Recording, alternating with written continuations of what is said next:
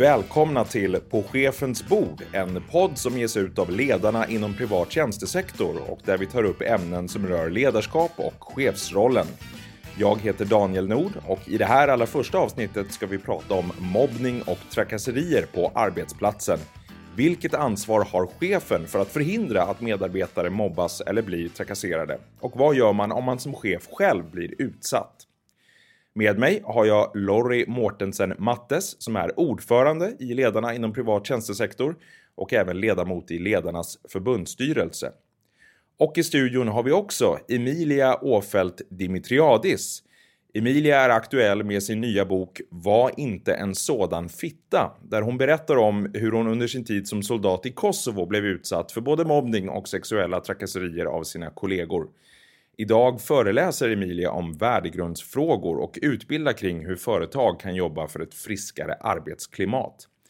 Lori och Emilia, välkomna till podden. Tack snälla. Emilia, jag tänker att vi börjar med dig. Eh, titeln på din bok får säkert många att haja till lite grann. Kan du berätta om eh, vad är bakgrunden till den här boken? Jag förstår ju att titeln provocerar och det är precis det som är syftet också. Eh, jag vill visa på ett eh, språkbruk som används på arbetsplatser runt om i Sverige där man menar på att är man svag, dum, feg, vad det nu kan vara då, så är man som en kvinna helt enkelt. Just det här kvinnoförnedrande eh, synsättet som finns och eh, det vill jag belysa. Och det gör jag tillsammans med min egen berättelse från trakasserier inom Försvarsmakten som eh, skedde för många år sedan och tyvärr har det inte blivit bättre. Det är en väldigt gripande historia som du berättar. Eh, redan när du var tio år gammal så blev du fascinerad av det militära och väl i vuxen ålder så valde du att tjänstgöra som soldat i Kosovo. Hur gammal var du då? Ehm, jag var som sagt tio år när jag bestämde mig för att göra lumpen och sen så småningom bli polis. Och jag ryckte in som 21-åring på T2 i Skövde och gjorde tio månader som sjukvårdsgruppbefäl. Och trivdes oerhört bra i den militära världen och bestämde mig sen för att åka på utlandstjänst då. Så att jag sökte mig vidare, kom iväg på en styrka som hette KS08 där jag skulle vara söksoldat på ett skyttekompani. Och jag ryckte in tio dagar efter muck, så då var jag ja, 21 år då. Mm. Och den upplevelsen blev inte som du hade tänkt dig? Nej, utan de här sexuella trakasserierna började redan andra dagen på utbildningen eh, ifrån mina gruppmedlemmar och eskalerade sen då när vi kom ner till missionsområdet. Så att det var åtta månaders helvete. Du kom ju ut med den här boken 15 år efter att du var i Kosovo 2003. Hur har du liksom bearbetat hela den här upplevelsen sedan dess? Jag fick ju faktiskt förfrågan eh, under min tid i Kosovo om jag ville följa med min chef hem till Sverige och föreläsa för nästa bataljonschefer om mina erfarenheter. Och trots att jag var oerhört blyg och nedbruten av allt som hade hänt så tackade jag ja till det här och följde med hem och föreläste för chefer inom Försvarsmakten då. Och det här blev väldigt uppmärksammat och uppskattat. Vilket gör att jag har fortsatt föreläsa då sedan dess i 15 års tid då. Både inom Försvarsmakten men också eh, runt om i samhället. Så att eh, det har varit min räddning på många sätt. Att komma tillbaka till mig själv och den jag är och att jag har en tro på mig själv då. Så att det var lite som terapi eh, varje gång jag stod på scen faktiskt. Lori, när du hör den här berättelsen som, eh, som ordförande i Ledarna privat tjänstesektor, vad tänker du då? Dessvärre är jag ju inte överraskad när jag hör det här. Och eh, jag har ju varit på en av Emilias eh, föreläsningar och jag var inte så kaxig när jag lämnade den föreläsningen. Därför att dels så berättar ju Emilia sin historia men hon lyckas ju dessutom sätta fingret på en grej som vi inte pratar så mycket om. Det är lite tabu och speciellt för chefer. Dels chefer som blir utsatta men också hur man ska hantera den situationen.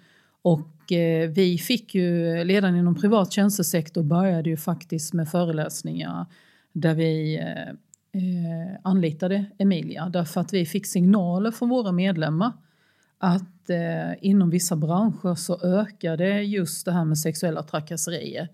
Och eh, det jag kan se genom åren är att det här kommer ju, man tror ju varenda, varenda gång så tror man nu var det här sista gången. Och eh, det här kommer inte hända mer i arbetslivet. Men jag kan ju se genom de åren jag själv som jobbar som chef och ledare att det går i vågor så kommer det tillbaka. Eh, jag tittar på gamla artiklar där jag var väldigt aktiv på 90-talet där jag diskuterade just frågor om jämställdhet och eh, kvinnors eh, rätt till sina kroppar och att kvinnor också skulle kunna ta plats på arbetsmarknaden som chefer och ledare. Och eh, där det redan då fanns mycket av sexuella trakasserier och sen försvann det lite och sen kommer det tillbaka. Och i hotell och restaurangbranschen så har det kommit tillbaka. Jag har ju själv ett förflutet där. Och eh, det jag tycker bara är synd är att det aldrig, aldrig någonsin tar slut. Utan varje dag så är det, tror jag att jag skulle våga säga att någon kvinna blir utsatt för sexuella trakasserier. Men även män blir utsatta. Och det måste vi också våga prata om. Och det är också lite tabu. Men dessvärre känner jag, känner jag igen det. Och det var ju också det vi såg nu i metoo som kom då eh, på hösten 2017. Och det var ju många som höjde på ögonbrynen när vi pratade om sexuella trakasserier redan inom privat tjänstesektor. Men vi var lite före vår tid. Och vi såg ju hur det briserade när man började lyfta. Bransch efter bransch efter bransch gick ut i media och skrev på uppror och talade om att ja, jag har också varit med om det här. Och då lever vi 2018 är det nu. Ändå upplever vi detta. Du säger att den här diskussionen om trakasserierna kommer och går. Eh, vad är det som gör att det just kommer och går? Jag tror att det här handlar om många saker. Dels så eh, tror jag aldrig att det här kommer ta slut. Utan att man måste våga stå upp däremot för att det här inte är acceptabelt. Och i Sverige har vi ju eh, lagar och regler som vi ska följa men även på våra arbetsplatser. Och en viktig del i det här tror jag att eh, chefer måste våga ta i de här frågorna. Och eh, tidningen Chef gjorde ju en undersökning i samband med metoo briserade och där visade det sig att flera chefer visste att det pågick. Man vet att det pågår sexuella trakasserier men man vet inte hur man ska hantera det. Och jag tror det är mycket eh, som eh, handlar om att eh, man vill ligga till, i, man vill vara i bra dagar, man vill inte göra bort sig och framförallt så vill man ju inte förlora det där jobbet. Jag vet ju när jag började jobba, ett av mina första jobb där ägaren kanske inte hade händerna på rätt ställen utan på mig istället för på maskinerna han borde använda. Eh, men då, då vill du, du vill ha ett jobb och så vågar du inte säga någonting. Och det tror jag är ganska, ganska allvarligt. Eh, och jag tror tyvärr inte det bara försvinner, men däremot så tror jag vi måste våga prata om det varje dag. Men jag har en fråga till dig Emilia. De här nu som inte vågar göra något eller inte vet hur de ska göra, de här cheferna. Vad tycker du att de ska göra? När en medarbetare kommer och säger att jag har blivit utsatt för sexuella trakasserier. Jag tänker för det första att det ska ganska mycket till innan en man eller en kvinna då kommer till sin chef och berättar om det här. Och man måste utgå från att det stämmer, det personen frågar, eh, kommer fram med eh, och agera utifrån det då. Att starta en utredning och faktiskt också lägga prestigen åt sidan Eh, och erkänna för sig själv att man inte kan allt eller kanske förstår allt och ta hjälp av människor som faktiskt kan hjälpa den här personen då. Det kan ju vara en eh, privat företag som arbetar med det här, det kan vara fackförbundet, det kan vara eh, företagshälsovården då. Men att absolut agera så fort som möjligt. Det är det oerhört viktigt. Emilia, eh, håller du med Lorry om att det inte ser ut att ske mycket av en förbättring? Jag tänker när, när du är ute och föreläser om de här ämnena, hur, hur tas det emot då? Jag har ju föreläst nu i 15 års tid och jag märker verkligen en förändring i hur eh, diskussionerna blir i arbetslagen. Eh, och människor är inte lika chockade längre och man vågar dela med sig av saker och ting vilket är oerhört skönt att se. Men också att chefer kontaktar mig med att jag förstår inte det här, jag kan inte det här, kan du hjälpa mig? Medan man för många år sedan då inte ens överhuvudtaget ville att jag skulle komma till arbetsplatsen. Eh, det här har inte vi. Eh, så ser det bara ut inom Försvarsmakten och liknande då.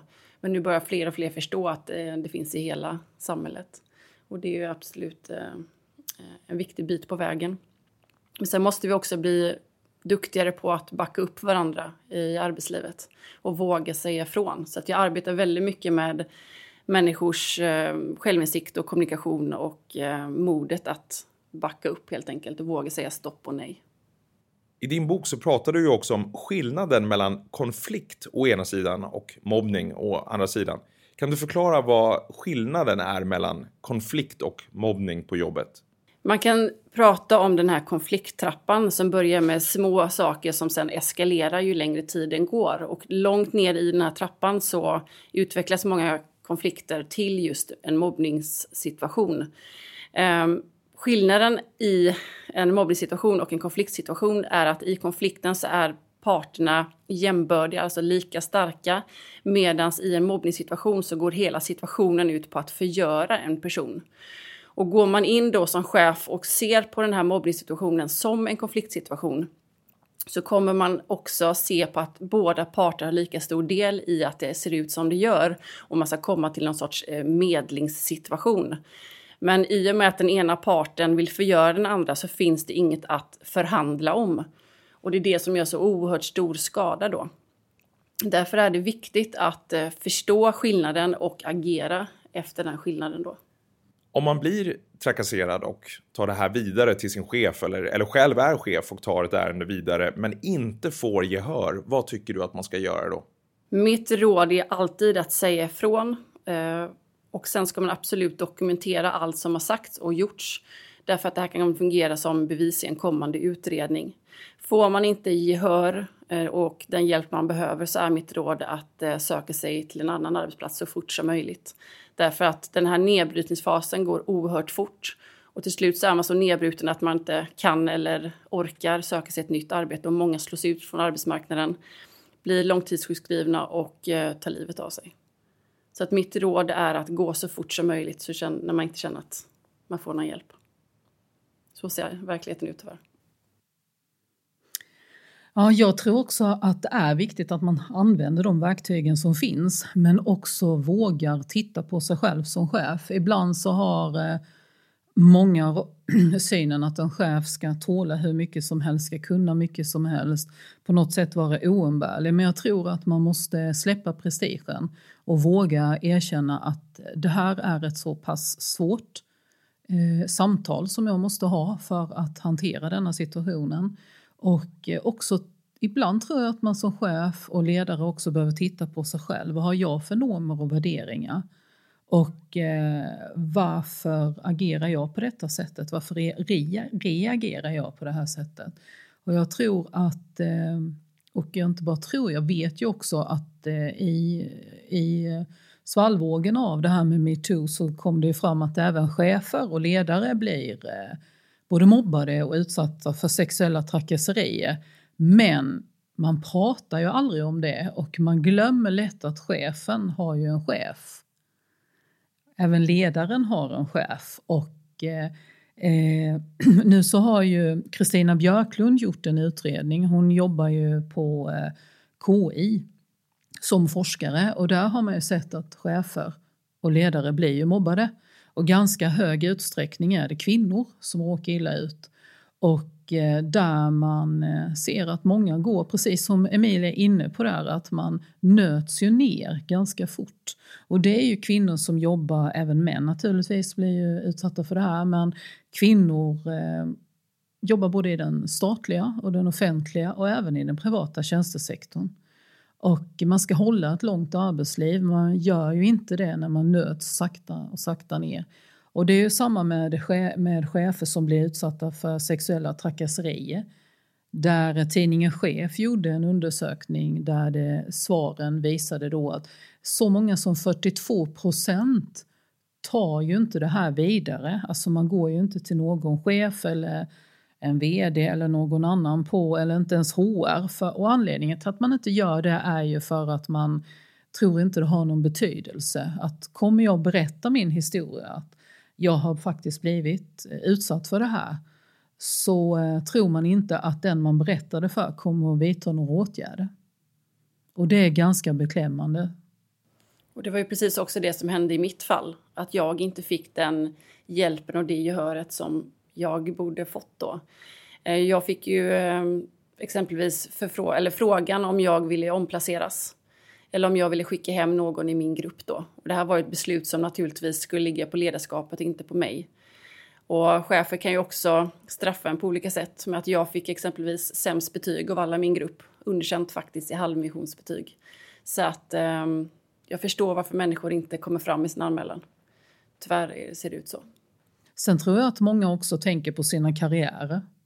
Att hur ser nu detta ut om jag går vidare med den här frågan och kommer det göra att jag kommer inte få det där toppjobbet sen?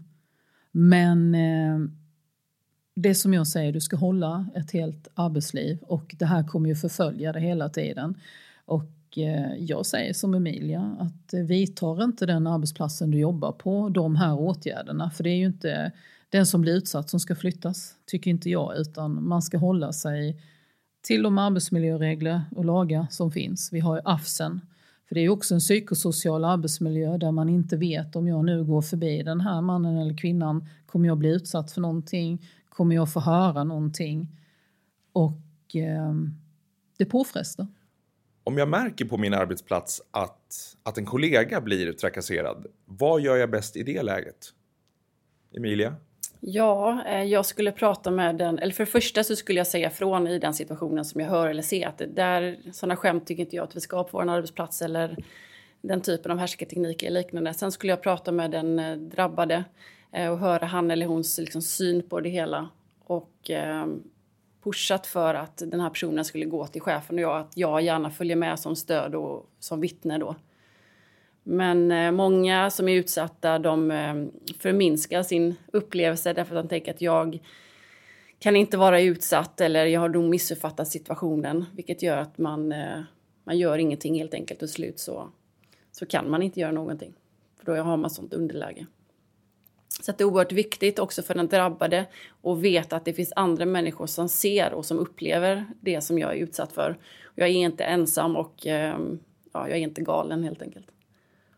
Tror du att det finns möjlighet att, att vända ett negativt beteende eh, på en arbetsplats? Eller om vi tar ditt exempel, eh, var organisationen liksom bortom räddning? Vi hade ju ett oerhört fegt och dåligt ledarskap hos oss eh, med chefer som överhuvudtaget inte nämnde den här frågan. Vi hade ingen utbildning, vi hade aldrig någon sorts eh, samtal kring just den här typen av problem. Och när jag kom fram och berättade allting till min chef så sa han att ehm, ja, det var inte så bra, men bry dig inte om vad de säger. Och eh, sen kom han inte fram en enda gång på resten av tiden och frågade hur jag gick eller hur, ehm, ja, om han kunde hjälpa mig med någonting då. Så att där visar han väldigt tydligt. Eh, han pratade inte ens med vår grupp eller tog oss ur tjänst eller någonting överhuvudtaget. Efteråt fick jag ju höra att han aldrig hade arbetat med kvinnor innan och han visste inte hur han skulle hantera situationen, vilket är en helt absurd sak att säga. Så att, eh, ja. På frågan om man kan vända det på något sätt. Det de skulle gjort, det var att skicka hem. De skulle gjort en utredning, sen skulle de skickat hem de som var värst. Sen skulle de gjort om plutonen helt enkelt, till arbetslagen. Men nu gjorde de ingenting, vilket skickade oerhört tydliga signaler på att det de gjorde var helt okej. Okay. Och ehm, ja, så att ledarskapets betydelse, det är det som har störst inverkan på människor här. Jätteviktigt. Ja, jag håller med dig och eh, vi ser ju många arbetsgrupper som kanske inte fungerar och där man skickar in chef efter chef efter chef. Där, det, där chefen råkar ut för antingen kanske då sexuella trakasserier eller mobbning och eh, får till slut gå och sen så kommer nästa chef och så upprepar det sig. Och eh, av någon anledning så gör inte de högre cheferna någonting. Men det som händer då i en arbetsgrupp, jag tror att man måste börja prata om det också och våga ta tag i problemgrupper eller dysfunktionella grupper skulle jag vilja säga att det är. Och det innebär ju att de har ju oftast en informell ledare som finns i gruppen för att eh, mellan de här rekryteringarna så står ju den här arbetsgruppen utan chef. Det innebär ju också att de får fritt, fritt spelrum och så eh, mobbar man ut chef efter chef och eh, man nöjer sig ju inte med chefen då i mellanspelen utan man ger sig också på sina kollegor. Och jag tror att eh, de högre cheferna här måste ha så mycket mod i sig att man vågar gå in och slå sönder en sån grupp och då menar jag att man kanske, precis som du säger, man gör en utredning, man kanske måste skilja på dem för att eh, de blir dysfunktionella tillsammans. Och eh, ett annat alternativ är ju att man jobbar med, med gruppen. Men då gäller det ju att vara ganska stark som chef och ledare. Och då menar jag inte stark att du ska vara hård, utan du måste vara stark i dig själv. Och du måste ha den uppbackningen för att inte du ska hamna där. Och eh, det här behöver vi prata lite om. Eller inte lite, vi behöver prata om det ganska mycket. Just för att det är sånt tabu att chefer blir utsatta. Man pratar ofta som medarbetaren hela tiden. Samtidigt ska vi ha hållbara chefer. Det är många som sjukskriver sig. Eh, sjukskrivningstalen för psykosocial arbetsmiljö eh, och psykosocial ohälsa ökar ju i Sverige. Och vad beror det på? Det tror jag vi måste, måste ta oss en riktig funderare på. Är det så här vi vill ha vårt framtida arbetsliv? Vi ska jobba längre, vi ska hålla längre. Vi ser också att de yngre generationerna ställer ett helt andra krav på hur ett, ett arbete ska vara och vad de ska göra och vi går eh, mot en väg där vi får eh, vi har brist på chefer helt enkelt. Och vi ser att många pensioneras och ska ersättas då med nya. Och då måste vi också ha ett bra klimat och vi ska jobba längre. Man säger att pensionsåldern ska höjas och då behöver vi också ha ett bra klimat. Det ska vara kul att gå till jobbet tänker jag och det ska vara roligt att vara chef. För att de som blir chefer och ledare brinner ju oftast för ledarskapet och chefskapet. Kunna göra skillnad, se människor växa, se människor göra resultat. Men eh, det Kristina Björklund eh, säger också är att på en 40 timmars arbetsvecka så ägnas minst 10 timmar av dem till att hantera den situationen som du som mobbad eller trakasserad chef har att hantera. 10 timmar av 40 timmars vecka. Precis som Lorry säger så här så är det väldigt vanligt att en mobbad chef eh, slutar och sen kommer in en ny person som får den gamla chefens roll så att säga. Jag har ju varit inne och jobbat i fyra arbetsgrupper som har haft elva chefer på nio år. Och det var ju efter en av mina föreläsningar som eh, den högsta chefen då kom till insikt om vad det var som egentligen hade hänt i de här grupperna. Eh, därför att grupperna hade satt i system att mobba ut varenda chef som hade kommit då. Och vad, vad det har kostat i både pengar och tid och, och känslor. Eh, så det är väldigt viktigt att man lär sig att förstå de här signalerna som människor faktiskt sänder ut. Och att man kan hantera situationen för att eh, människor far väldigt illa.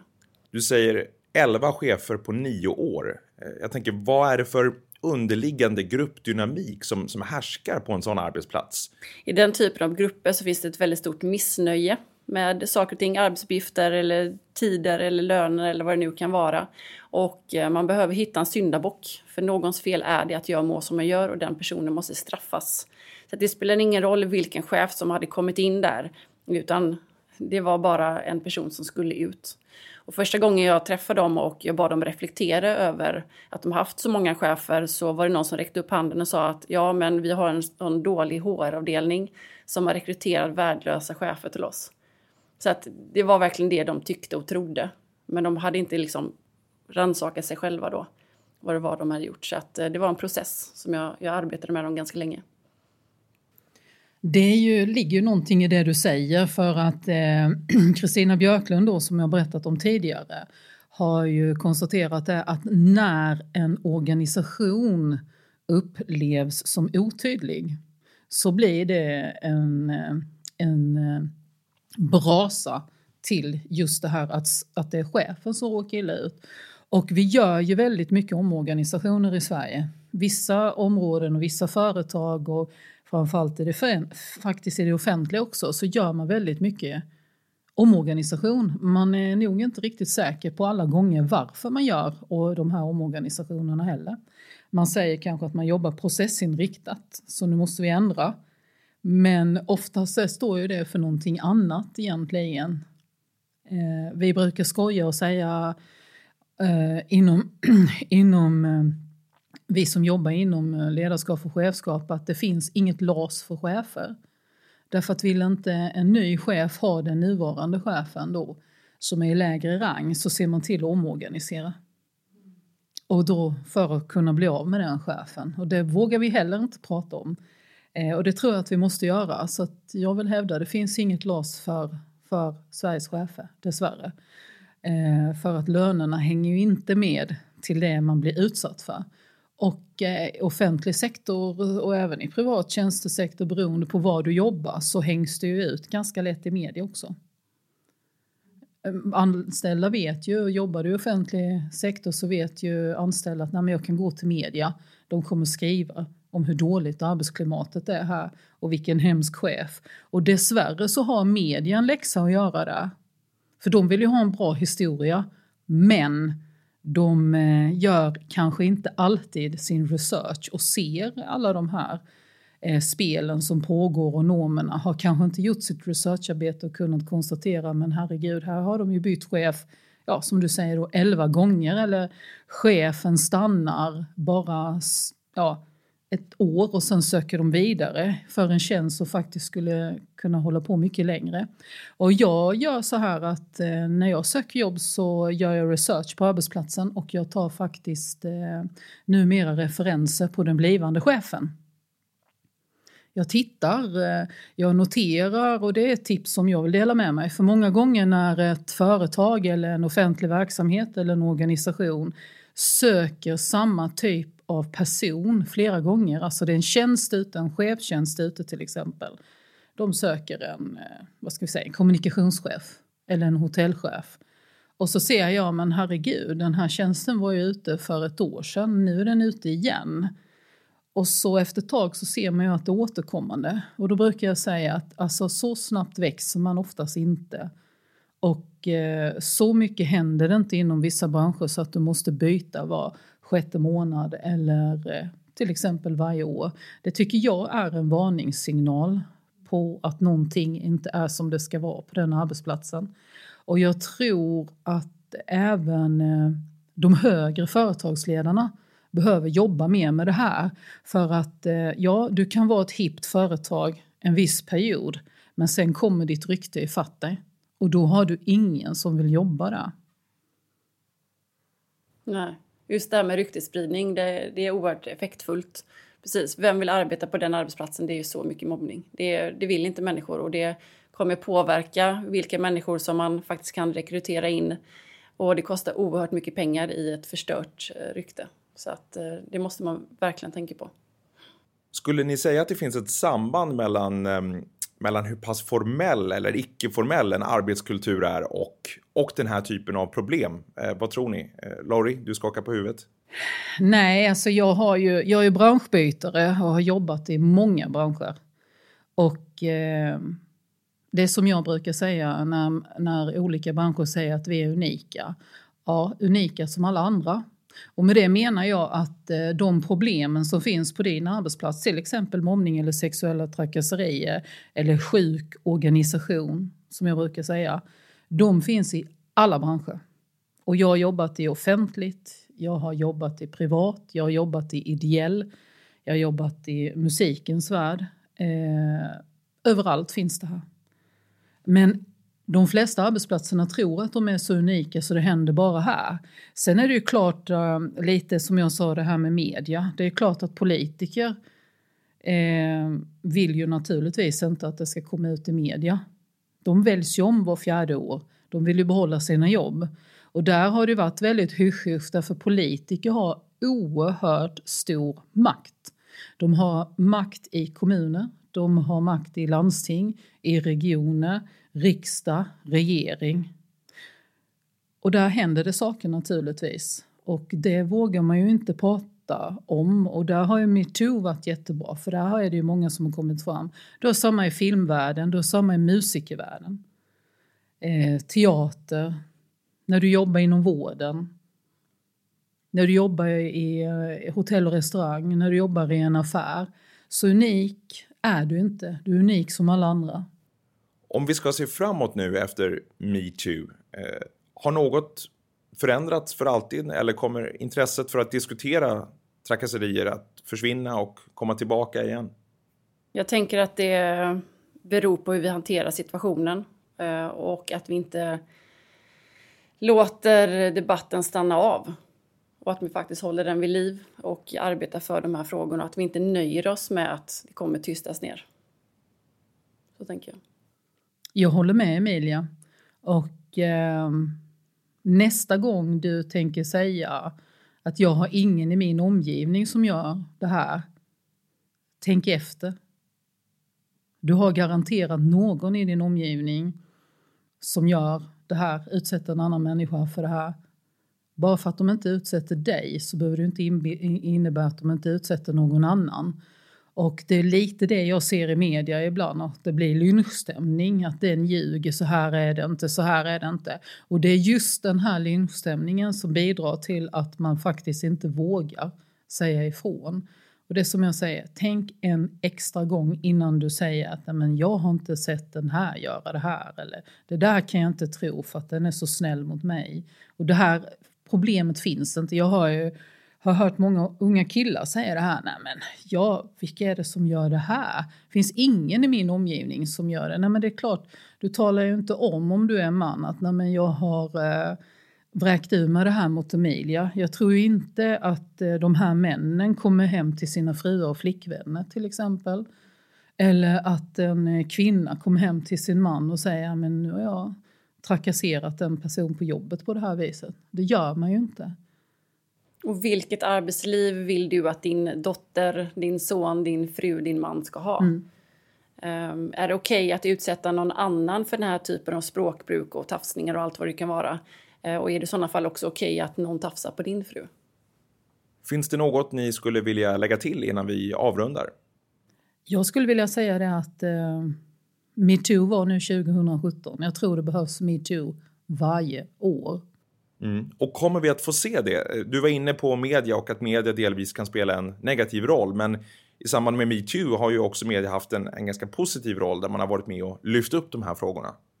Media har en positiv roll i den meningen att man lyfter upp det här. Men media har ju faktiskt ett arbete att göra här. Man måste vara kärleksfull, varsam och omtänksam även som media veta att när du sätter den där rubriken, då ska du vara, veta att det här jag sätter i den här rubriken nu är faktiskt sant. Man kan inte agera rättegång som media har gjort i vissa lägen. Det är inte sunt. På det sättet så hjälper man ju inte de här människorna som råkar ut för det här. Utan jag tror att det dessvärre gör att folk blir mer rädda. För de vill inte vara på den där första sidan. De vill, inte, de vill lösa det här på ett bra sätt. Så media har, bör vara snälla och omtänksamma, se problemet men tänka sig för. De har ett jobb att göra där. Något jag vill trycka på det är människors mod att se och agera i olika situationer. Oavsett om man har arbetsgivaransvar eller inte. Då säger jag tack så mycket Lorry Mortensen Mattes och Emilia Åfeldt Dimitriadis för att ni var med i På chefens bord. Tack snälla. Tack. Tack.